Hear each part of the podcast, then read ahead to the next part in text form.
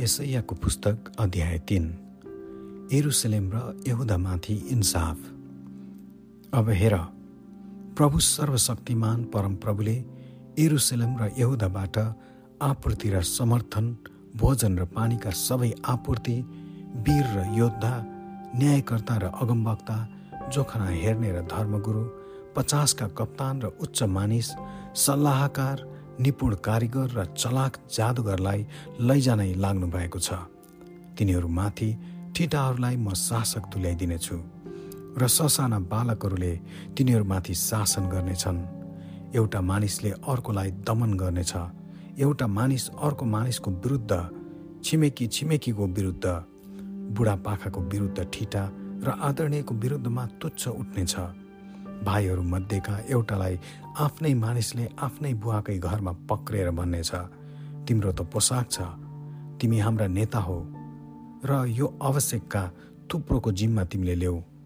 तर त्यस दिन त्यसले चर्को स्वरमा भन्नेछ भत्केकोलाई बनाउने मेरो त उपाय नै छैन। मेरो घरमा भोजन र लुगाफाटा नै छैन।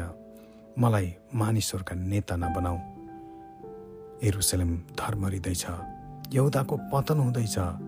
तिनीहरूका वचन र काम परमप्रभुको विरुद्धमा छन्।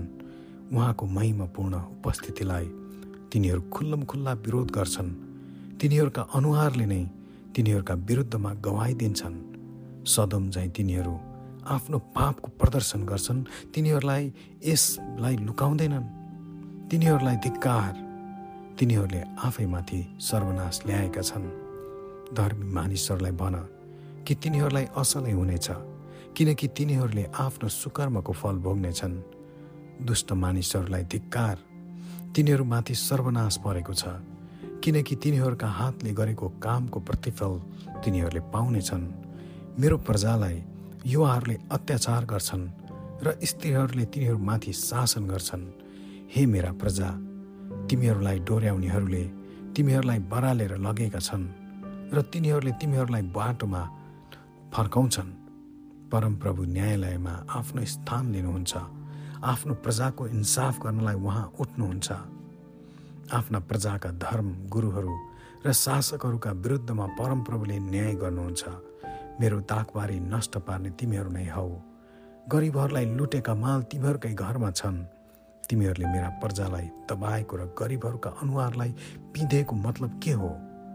प्रभु सर्वशक्तिमान परमप्रभु भन्नुहुन्छ। एरुसलेममा विलासी स्त्रीहरूको दुर्दशा। परमप्रभु भन्नुहुन्छ सियोनका स्त्रीहरू अहङ्कारी छन् र मुन्टो ठाडो गर्दै चञ्चले आँखा गर्दै कल्ली पहिरी छमछम गर्दै ससाना कदम चालेर हिँड्छन्। यसकारण परमप्रभुले सियोनका स्त्रीहरूका टाउकोमा घाउै घाउ भरिदिनुहुन्छ। परमप्रभुले तालु खुइले बनाइदिनुहुन्छ।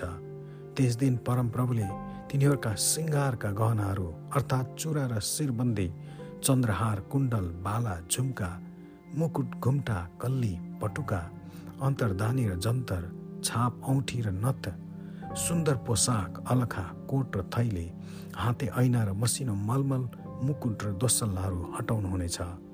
सुगन्धित मसलाको सट्टामा सडेको दुर्गन्ध हुनेछ र पटुकाको सट्टामा डोरी राम्ररी बाँडेको कमालको सट्टामा मुडली हुनेछ। सुन्दर वस्त्रको सट्टामा भाङ्राको लुगा र सुन्दरताको सट्टामा डामै डाम हुनेछ। तेरा मानिसहरू तरवारले मारिनेछन्। तेरा वीरहरू लडाइँमा नष्ट हुनेछन्। सियोनका मूल ढोकाहरूले बिलाप गर्नेछन् र रुनेछन्। भुइँमा नाङ्गै बसेकी स्त्री जस्तै त्यो सहर उजाड हुनेछ। आमेन।